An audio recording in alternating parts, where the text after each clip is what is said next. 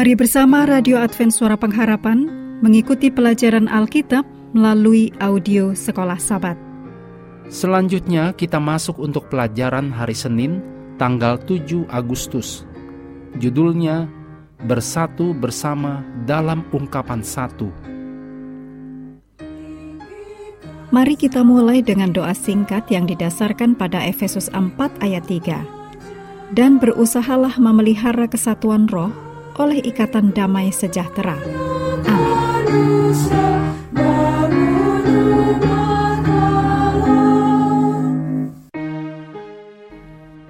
Tujuan kesatuan dikutip oleh Paulus untuk mendukung temanya tentang kesatuan gereja dalam daftar di Efesus 4 ayat 4 sampai 6. Daftar Paulus ini memiliki nuansa puitis dan dapat menggemakan nyanyian pujian yang digunakan di Efesus.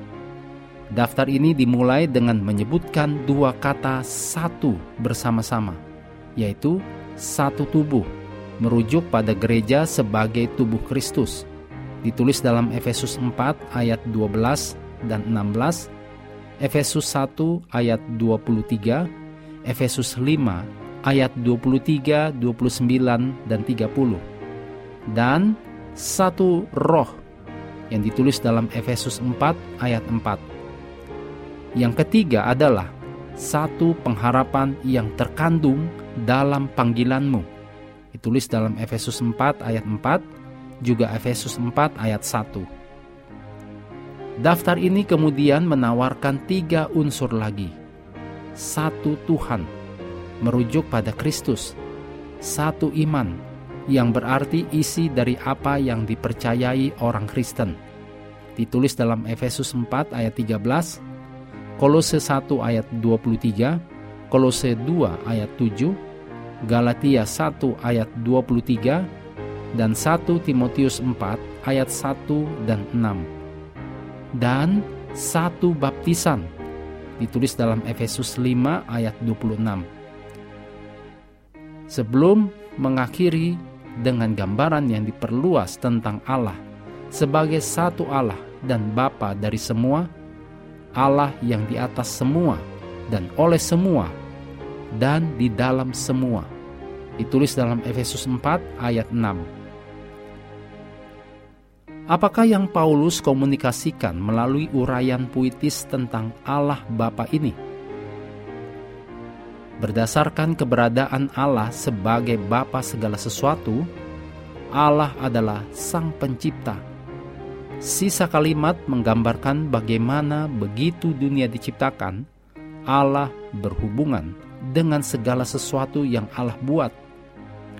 Paulus tidak mencoba-coba ajaran sesat panteisme yang menganggap alam adalah Tuhan atau panenteisme yang berpendapat bahwa dunia adalah bagian dari Tuhan.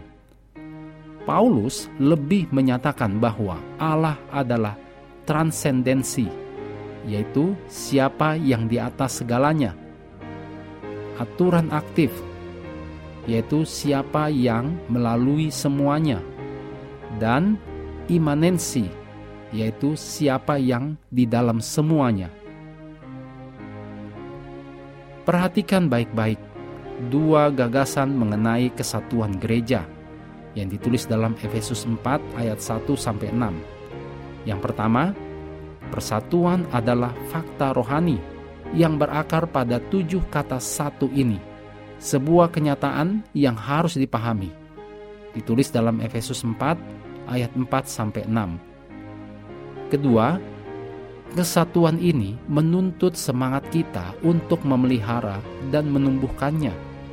Ditulis dalam Efesus 4 ayat 3. Akan sering ada alasan untuk menangisi kegagalan kita dalam mewujudkan persatuan ini.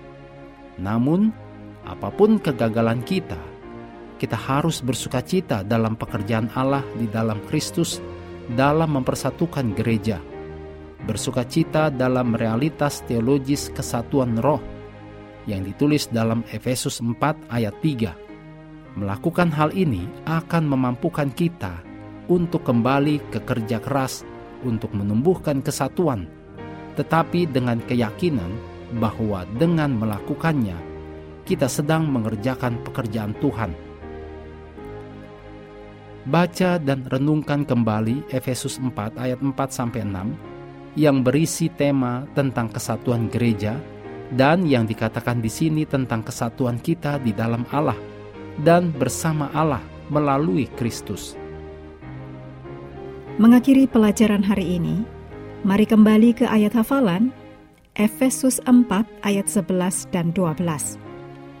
Dan ialah yang memberikan baik rasul-rasul maupun nabi-nabi, baik pemberita-pemberita Injil maupun gembala-gembala dan pengajar-pengajar, untuk memperlengkapi orang-orang kudus bagi pekerjaan pelayanan, bagi pembangunan tubuh Kristus. Kami terus mendorong Anda bersekutu dengan Tuhan setiap hari, bersama dengan seluruh anggota keluarga, baik melalui renungan harian, pelajaran sekolah sahabat, dan bacaan Alkitab sedunia, percayalah kepada nabi-nabinya, yang untuk hari ini melanjutkan dari Mazmur pasal 93. Tuhan memberkati kita semua.